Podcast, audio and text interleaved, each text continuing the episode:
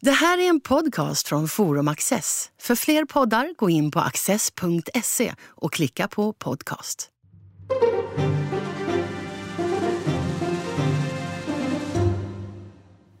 Välkomna till Studio Access och särskilt välkommen till Anders Borg, investerare, rådgivare och eh, memoarförfattare.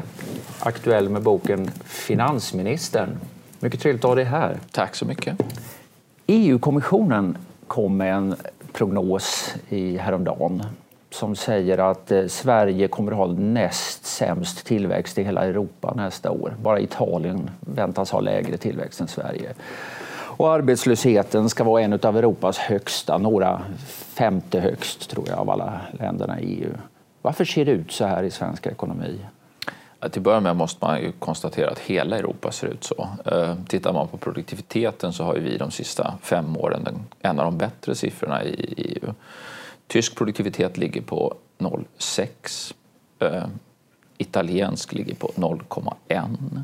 Grekisk har de sista fem åren minskat i genomsnitt med 0,4 procent. Så att Europa är nära nog stagnerande. Och jag skulle tro att ett av de viktigaste skälen till det är att vi håller på teknologiskt att halka efter.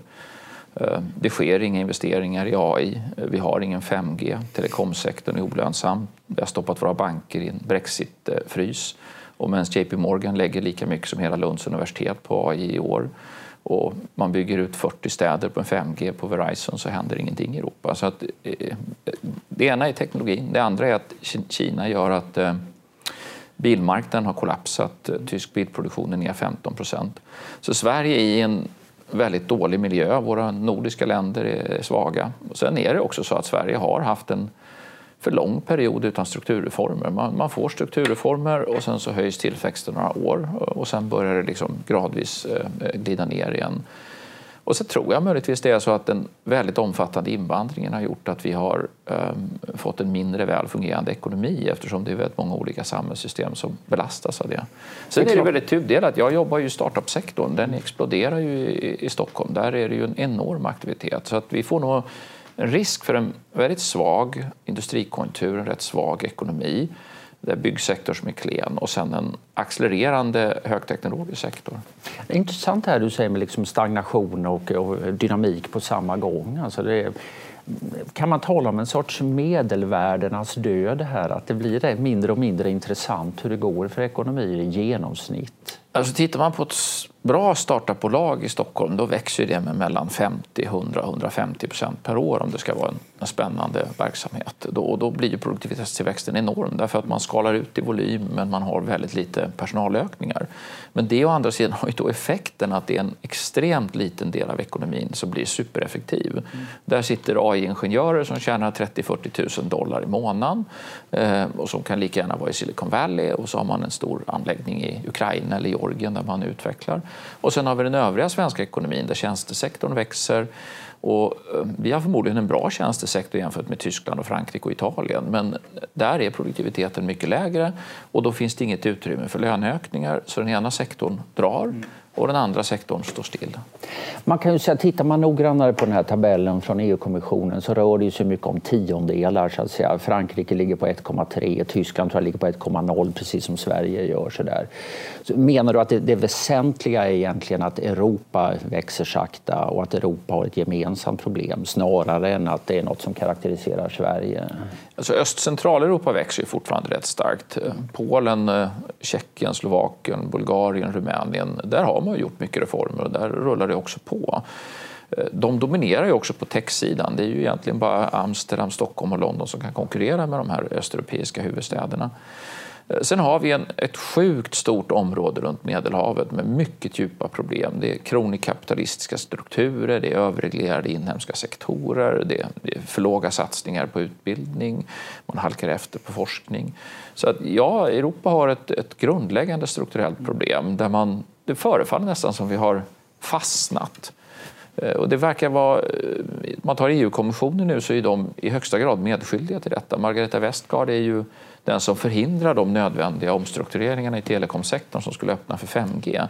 Men det verkar man inte alls vilja ta till sig. Hela industrin säger detta till dem, varenda näringslivsföreträdare säger det till dem men de håller fast vid ett väldigt föråldrat synsätt och föredrar då att bråka med amerikanska techbolag. Så att Europa är långsamt och stagnerande. USA är mycket starkare, mycket starkare VC-sektor, mycket starkare riskkapitalmarknad. Och bredvid det ligger Asien och all synnerhet Kina som accelererar bort ifrån oss. Vi ska vända oss mot backspegeln och titta den alldeles strax. Men jag måste fråga en sak. Där. Att det här med strukturreformer, är, som du nu nämner, är ju något som man inte hör så mycket av i, i den mer makroekonomiska debatten. Utan där är det ju liksom Eh, nu, man ser penningpolitiken verkar ha gjort sitt. här. Nu måste vi satsa på en expansiv finanspolitik. Och I Sverige vi har haft ett ändrat överskottsmål en ganska kort tag och ändå kommer det signaler från regeringen om att man vill ändra det igen så att säga, och spendera mer pengar helt enkelt. Vad är dina reflektioner kring det? Nej, jag, jag är en mycket otidsenlig person. Jag, jag tror inte på, på, på det ena eller andra av detta. Eh, penningpolitiken bedrivs väldigt expansivt. Det har inte så stora effekter därför att vi sitter fast i en närmare nog deflationistisk inflationsbana. Eh, Riksbanken gör rätt som är expansiva men det har väldigt liten effekt. Framförallt på Tyskland och Frankrike där det här slår hårt mot pensionssparande och hushållen. Eh, för svensk del skulle jag tycka det var väldigt märkligt om man nu satte igång med stora utgiftsprojekt. Eh, skulle man göra vettiga strukturreformer skulle jag nog kunna tänka mig att man gjorde lite mer. Men om man nu bara ska hälla pengar på kommunsektorn eller Eh, gör, göra andra typer av investeringar som har lågt värde, då tror jag inte det har någon betydelse. Jag tror Sverige behöver avreglera arbetsmarknaden. Vi behöver fortsätta att förbättra vårt företagsklimat eh, och jag tror dessutom att vi borde göra en rätt bred avreglering av vår bostadsmarknad med framför allt förändringar på hyresregleringen. Men eh, det där är rätt omfattande projekt, de är rätt komplicerade att genomföra och det skulle man behöva helt enkelt ta fram en reformstrategi för och det är inte riktigt någon som gör det. Och man pratar penningpolitik, man är arg på Stefan Ingves och Mario Draghi. Man pratar om orealistiska eh, expansionsinvesteringar eh, istället för att fokusera på kärnfrågan. Och det, vårt politiska system i Sverige och Europa fungerar väldigt illa just nu. Din bok handlar om reformer. Den handlar också väldigt mycket om krishantering. Eh, det var finanskrisen eh, och sen så småningom en eurokris. Det kanske är samma kris, eh, men men lite arbete med dem som finansminister. Vi säger ofta att liksom 90-talskrisen var något som gav oss Ja, det var plågsam, men den gav oss lärdomar vi hade nytta av under lång tid framöver. Kanske fortfarande i viss utsträckning. Finns det några sådana lärdomar som vi har lyckats dra ifrån de här eh, kriserna?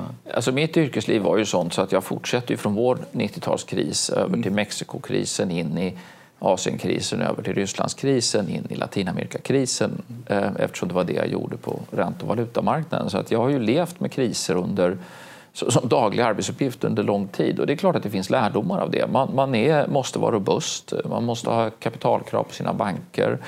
Eh, man måste ha beredskap att agera om den finansiella stabiliteten är hotad. Mm. Och jag tror också att det var väldigt bra att vi bedrev en aktiv finanspolitik och jag tror det var särskilt bra att vi gjorde det med i stort sett enbart strukturåtgärder. Vi, vi gav en del pengar på kommunerna mm. men bulken var jobbskatteavdrag, sänkt bolagsskatt, forskningsproposition och infrastrukturproposition. Det gjordes en del med RUT och ROT och så också. Och då använde man krisen till att åtgärda en del av våra långsiktiga problem. Så jag tror inte på de här triple T som man då talar om, temporary, targeted och timely som, som IMF och andra pratar om. Alltså, temporära åtgärder eh, blir ofta fel och de riskerar att bli permanenta. Så det är mycket bättre att göra rätt strukturåtgärder under en kris och, och då ha en starka offentliga finanser så man kan göra det. Men detta är din lärdom. Men tycker du att det är någon annan som har dragit den slutsatsen?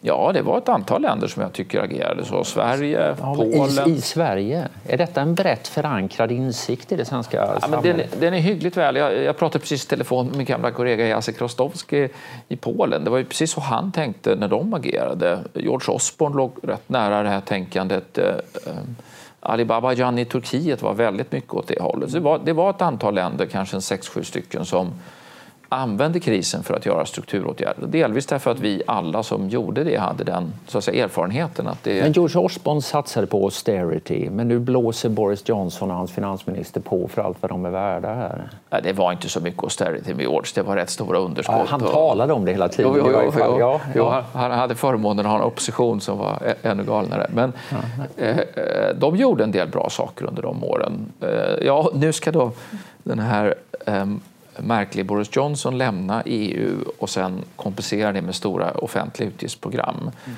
Ja, och kanske Corbyn kommer så får vi löntagarfonder in i den soppan. Det, det är klart att det är, inte är så bra. Nej, de har inte lärt vad de borde lära. Men, men menar du att Sverige har tillägnat sig det här vikten av strukturreformer?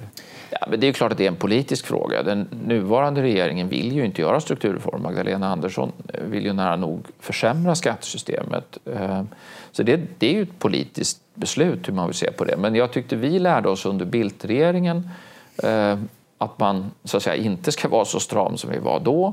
Men vi lärde oss också att strukturreformer har stor avkastning och då ska man dämpa efterfrågesvängningar men man ska göra det med rätt åtgärder. Och det tycker jag är en rätt naturlig utgångspunkt. Det finns väldigt mycket om det. Du skriver intressant tycker jag om, de här, om eh, både eurokrisen och finanskrisen och arbetet med att bekämpa dem och de, eh, det komplicerade spelet på EU-nivå. Tyvärr kan vi inte borra mer i detta eh, eh nu här, eh, även om jag har god lust till det. Utan jag vill höra din åsikt om varför blev det maktskifte 2006? Vad var det avgörande som gjorde att Alliansen kom till makten? Det var för att vi hade svar på de tre grundfrågorna för ett oppositionsparti. Vi visste varför regeringen skulle bytas ut. Vi hade ett utanförskap och en, eh, arbetsmarknadsproblem som var nödvändigt att åtgärda. Eh, vi hade ett program som vi hade utarbetat eh, under lång tid och välgrundat. Och vi hade suttit ner med de andra partierna och förhandlat fram detta. Och då är man trovärdig när man säger att det här landet behöver en ny regering. Eh, sen lyckades vi också göra den. Hela tankarna från, från lärdomarna från 90-talet var ju att man måste vara framtung i reformer. Det, det, går inte att reformera arbetsrätten sista året innan valet eller som eh, Schröder gjorde i, i Tyskland. Man måste göra det första året och så måste reformerna få verka ut. Det tror jag var skälet till att vi både blev valda och att vi faktiskt blev återvalda. Allianssamarbetet? Eh, jag tror mycket på allianssamarbete. Jag eh, satt ju på 90-talet och förhandlade i den där samordningskansliet och under de åren nu i regering. Jag tycker att allianspartierna har väldigt mycket gemensamt. Jag tycker det är personer som är bra och enkla att ha att göra med och jag har väldigt svårt att se varför de har kommit så långt ifrån varandra. Mm. Men du formulerar nästan som en sorts Borgs lag här i, i boken om hur ett oppositionsparti ska agera, eh, så som du beskrev det här nu. Men, hur ofta inträffar det egentligen? Eh, Ja, alltså jag har inte utvecklat den där modellen för att eh, analysera Sverige utan det var ju det raster jag lärde mig att göra. Det hände 2006 men redan 2010 hade ni vissa problem med, med samma sak. Det fanns ju massor av faktorer som jag försöker beskriva. Håkan Juholt dansade ju in på scenen och det skapade ju en speciell politisk miljö. Partiledarna var väldigt trötta på alla strukturreformer efter den här sjukförsäkringen som ju delvis kostar oss en del. Eh, vi hade nog kanske också gjort lite för mycket ideologi av det här med att man skulle kunna samtala med parterna. Och nu prövade vi det. Vi hade ju ett oändligt antal möten med, med, med parterna och det, det kom inte framåt. Och det är precis den slutsats som jag såg i Spanien där eh, Elena Selgado tvingades gå fram med lagstiftning. Mm. Och precis på samma sätt som Alexander Stubb sen tvingades göra i Finland. Det, det går inte att få fackföreningar eh, och framförallt inte de det handlar om, för det handlar inte om Metall eller TCO. Det handlar om Handels, Kommunal, Byggnads, Hotell och Restaurang. Det är de fyra fackföreningarna det handlar om och de har inte för avsikt att och tar ner sina ingångslöner eller förändrar sina kollektivavtal. När det gäller just facket och förhållande till facket så gör du något av en resa genom den här boken. Jag, när så att säga, Nya Moderaterna kommer med sin, då, eh, man, man lägger LAS-reformer och så vidare på hyllan. Och du skriver så här att för mig var det helt främmande att beskriva facket som en fiende eller en skadlig organisation man kan säga det var inte främmande för alla fack att beskriva Moderaterna som en fiende och skadlig organisation, men det är, ja, det är en annan sak. Men sen så småningom kommer du fram till att, vad du just sa, jag kan inte landa i någon annan slutsats än att det inte går att driva utvecklingen på arbetsmarknaden framåt genom uppgörelser med de fackliga organisationerna.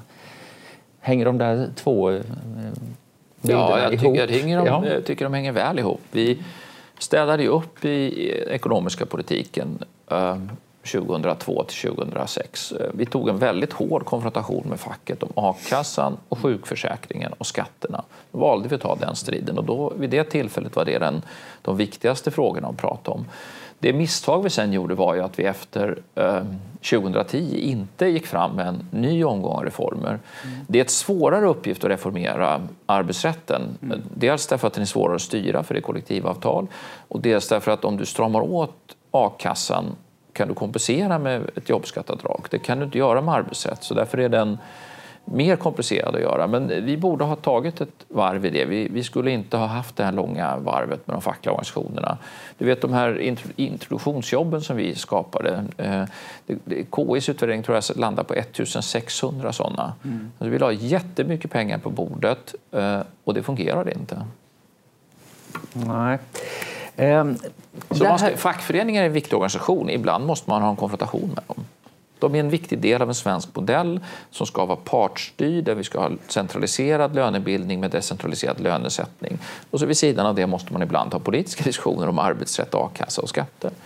Jag tycker man kan hålla de här två Som den gamla i... moderata bilden lite grann var att det var en strukturell motståndare så menar du att det är mer en temporär motståndare och kanske ja, och till och med heller... allierad ibland? Ja, också här. Jag tycker Moderaternas ambition ska vara att Saco ska vara 70 procent, 80 procent borgerligt. TCO ska vara till 55-60 procent borgerligt. Det är då man har en majoritet. Sen måste man ibland eh, notera att alla, och de här facken har inte några stora problem med sina kollektivavtal och man har oftast centraliserad lönesättning. Sen har vi ett problem och jag skulle säga att den är väldigt kopplad till vår inhemska tjänstesektor och de områden jag nämnde. Det, det, är där vi har svårigheterna och det är också där ingångsjobb kan finnas. Så att man kan hålla två tankar i huvudet samtidigt. Att det är okej att TCO, och Saco och andra fyller en viktig funktion på arbetsmarknaden och att vi har ordnade förhållanden kring lönerna. Och samtidigt konstatera att nej, det är nog nödvändigt att, att bryta upp en del av de här trösklarna in på arbetsmarknaden. Mm. När du skriver i, boken om den andra mandatperioden, 2010 till 2014 och att liksom det tog slut, eller liksom, ja, om, om, kraften tog slut eller viljan tog slut eller vad det var. Men du, du har någon formulering, och apropå eh, Fredrik Reinfeldt, där, om att ni hade varit väldigt tajta. Eh, och nu gjorde vi olika bedömningar om inriktningen. Det var som om det hade kommit något emellan oss. Vad var det för något? Jag, jag, är inte riktigt säker heller på hur, vad det var som ledde till detta. Eh, en faktor som man inte ska glömma bort, det måste jag säga att det hade jag själv glömt bort, så därför fick jag skriva om det kapitlet. Det, det var ju den här dramatiska försämringen av offentliga finanser på grund av eurokrisen. Vi trodde vi skulle ha 4% överskott och skulle kunna göra 3-4 jobbskatteavdrag och så visade det sig istället att vi satt på ett, på ett underskott därför att tillväxten blev så pass mycket lägre. Eh, det är klart att det var en väldig restriktion. Det hade varit en annan valrörelse om vi hade kunnat eh, bedriva dem och göra de åtgärderna. Men när vi då inte kunde göra dem därför att budgetutrymmet var för begränsat och partiledarna orkade inte längre eh, med besparingar, ja då satt vi i sitsen att vi, vi inte heller... Vi gjorde för lite på hyressidan, vi gjorde för lite på, på arbetsmarknadssidan. Mm. Möjligtvis kan man väl också tänka in att ett sådant program hade ju behövt göras hösten 2009 Eh, Eh, för att sen kunna förankras inför en valrörelse 2010. Och hösten 2009 var ju vi upptagna med Lettland och Grekland och allt vad det var som pågick. Så att på ett sätt kanske det inte var så förvånande att, att överbelastningen av systemet gjorde att vi inte riktigt orkade. Men var det också så att du var reformsugnare än vad din och partiledare och de andra partiledarna var? Det tycker jag är nära nog en självklarhet. Partiledarens roll är att väga av eh, parti, politiska frågor, väljaropinion, samarbetspartner och alla de här frågorna. En finansminister ska ju i första hand fokusera på ekonomisk politik. Jag, jag har ingen, jag har oerhörd respekt för Fredrik Reinfeldt. Jag, tror han, jag, jag är inte alls säker på att hans bedömning är är sämre än den jag gjorde. Därför att jag hade hellre förlorat valet och gjort strukturreformerna än att vinna valet och inte gjort något. Ja, nu förlorade ni valet utan att ha gjort något, ja, vilket möjligen då är ett sämre tredje alternativ. Sämre. Eh, så, så, alltså jag Den här hösten, hösten 2011 eller sensommaren kanske det var, när det var tal om det här, ett femte jobbskatteavdrag. Och sen signalerade Sverigedemokraterna att de skulle gå emot detta och då drog ni tillbaka det, det förslaget. Efter det, så, för en utomstående betraktare, kändes det som att luften gick ur eh, regeringen lite grann.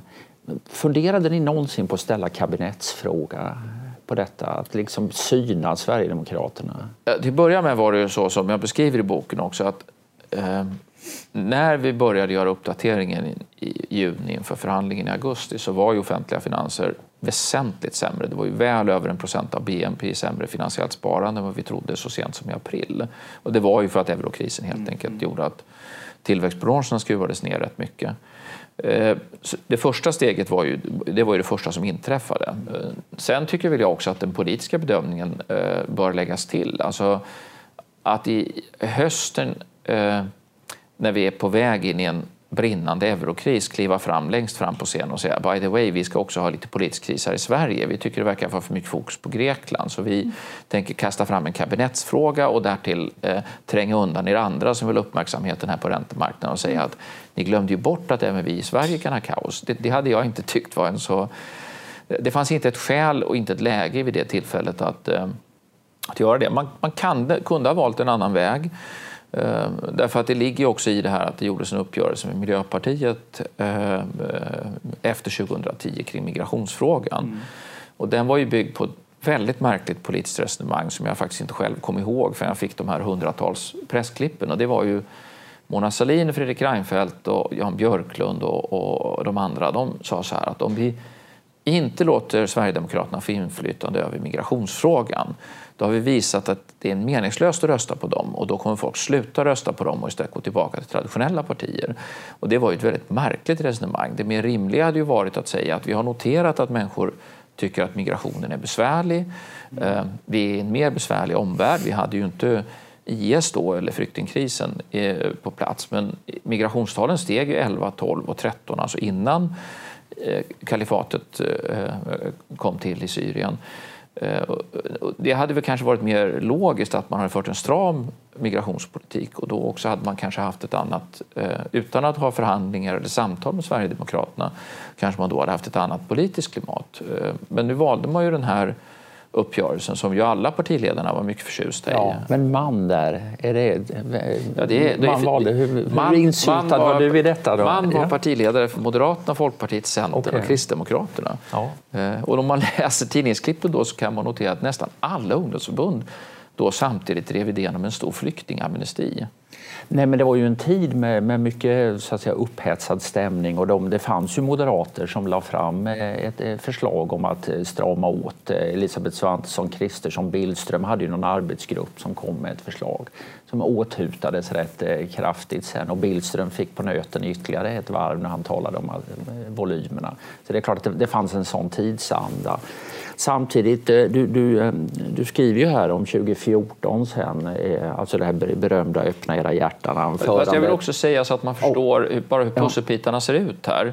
Jag har skrivit i boken att jag tycker man borde göra upp, gjort upp med Socialdemokraterna då istället. Mm. Det man får då dra sig till minnes är att partiledare hösten 2010 och våren 2011 är Mona Sahlin mm. som har gjort en bred migrationsuppgörelse med eh, Vänsterpartiet och eh, Miljöpartiet mm. och därigenom bundit dem till sig i det här rödgröna samarbetet. Så det hade varit väldigt svårt för Fredrik att, eh, Reinfeldt att ta kontakt med Mona Sahlin och säga ja, by the way, jag tycker faktiskt vi ska återgå till den ordning som gällde före 2005 när Moderaterna eh, satte eh, snarskank för... Ja, men absolut, men 2014 var det inte Mona Sahlin längre utan Nej. då var det Stefan Löfven.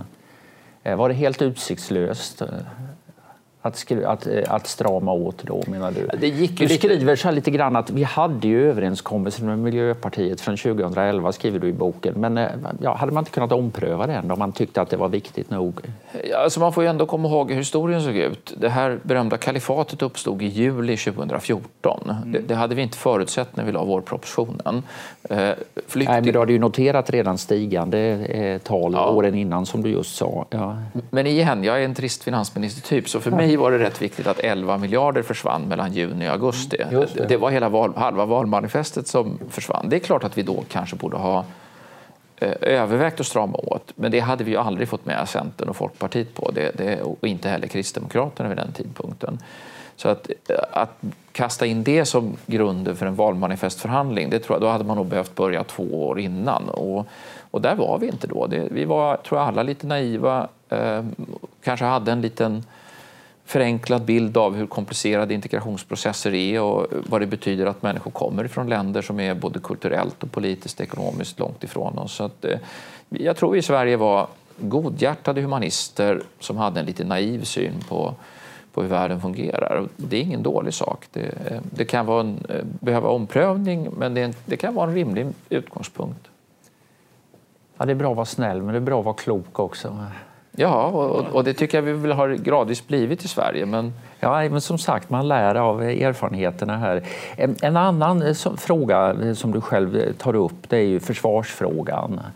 Och du skriver ju eh, om den här, eh, ja, ska vi säga, eh, konflikten kan man väl kalla det med, med eh, försvarsdepartementet och Mikael Odenberg framför allt. Och eh, du gör det också självkritiskt delvis. Men varför, varför skruvade ni inte upp 2008 efter Georgien? Eh, då ska man ju igen komma ihåg att det dröjde ju bortåt 9-10 innan ryssarna skruvade upp. 8-9 var ju det år när de ryska försvarsutgifterna Ja, 8 sin... skruvade de upp tillräckligt mycket för att rulla in i Georgien. Ja. ja. Men, men, ja. men, eh, du hade haft en period i princip oavbrutet eh, i 20 år där ryssarna hade gått lägre och lägre ner i försvarsutgifter. De var nere tror jag, på 3% av BNP. Nu har de skruvat upp till 5 Då är det naturligtvis så att då ska ju Sverige Eh, följa med upp och möta det, för det måste ju stå i paritet till varandra. Mm. Hade vi förstått att den här europeiseringen som Putin 1 och Medvedev stod för, de var ju väldigt angelägna att närma sig Europa. Att vi skulle förstå att det skulle förbytas i Putin 2 som konfronterade inte bara Georgien utan så småningom också Ukraina och hela historien kring Krim. Ja, då är det klart att vi borde ha skruvat upp försvarsutgifterna innan. Men när vi hade förhandlingen om försvarsutgifterna då skulle vi dra in 18 miljarder i budgetförstärkningar. Då låg 3,5 på arbetsmarknad, 3 på sjukförsäkringen och så la vi ungefär 3 på försvar. Och de andra ministrarna tyckte också att det här var jobbigt. Men de samarbetade, de följde de direktiv de hade från partiledarna och det gjorde inte försvarsdepartementet och då blev det en eh, olycklig konfrontation. Och hade jag varit... Just det, men det är 2007. Ja, men jag vill bara säga att hade jag varit erfarnare och visare då hade jag kanske kunnat hantera den mycket bättre med Mikael.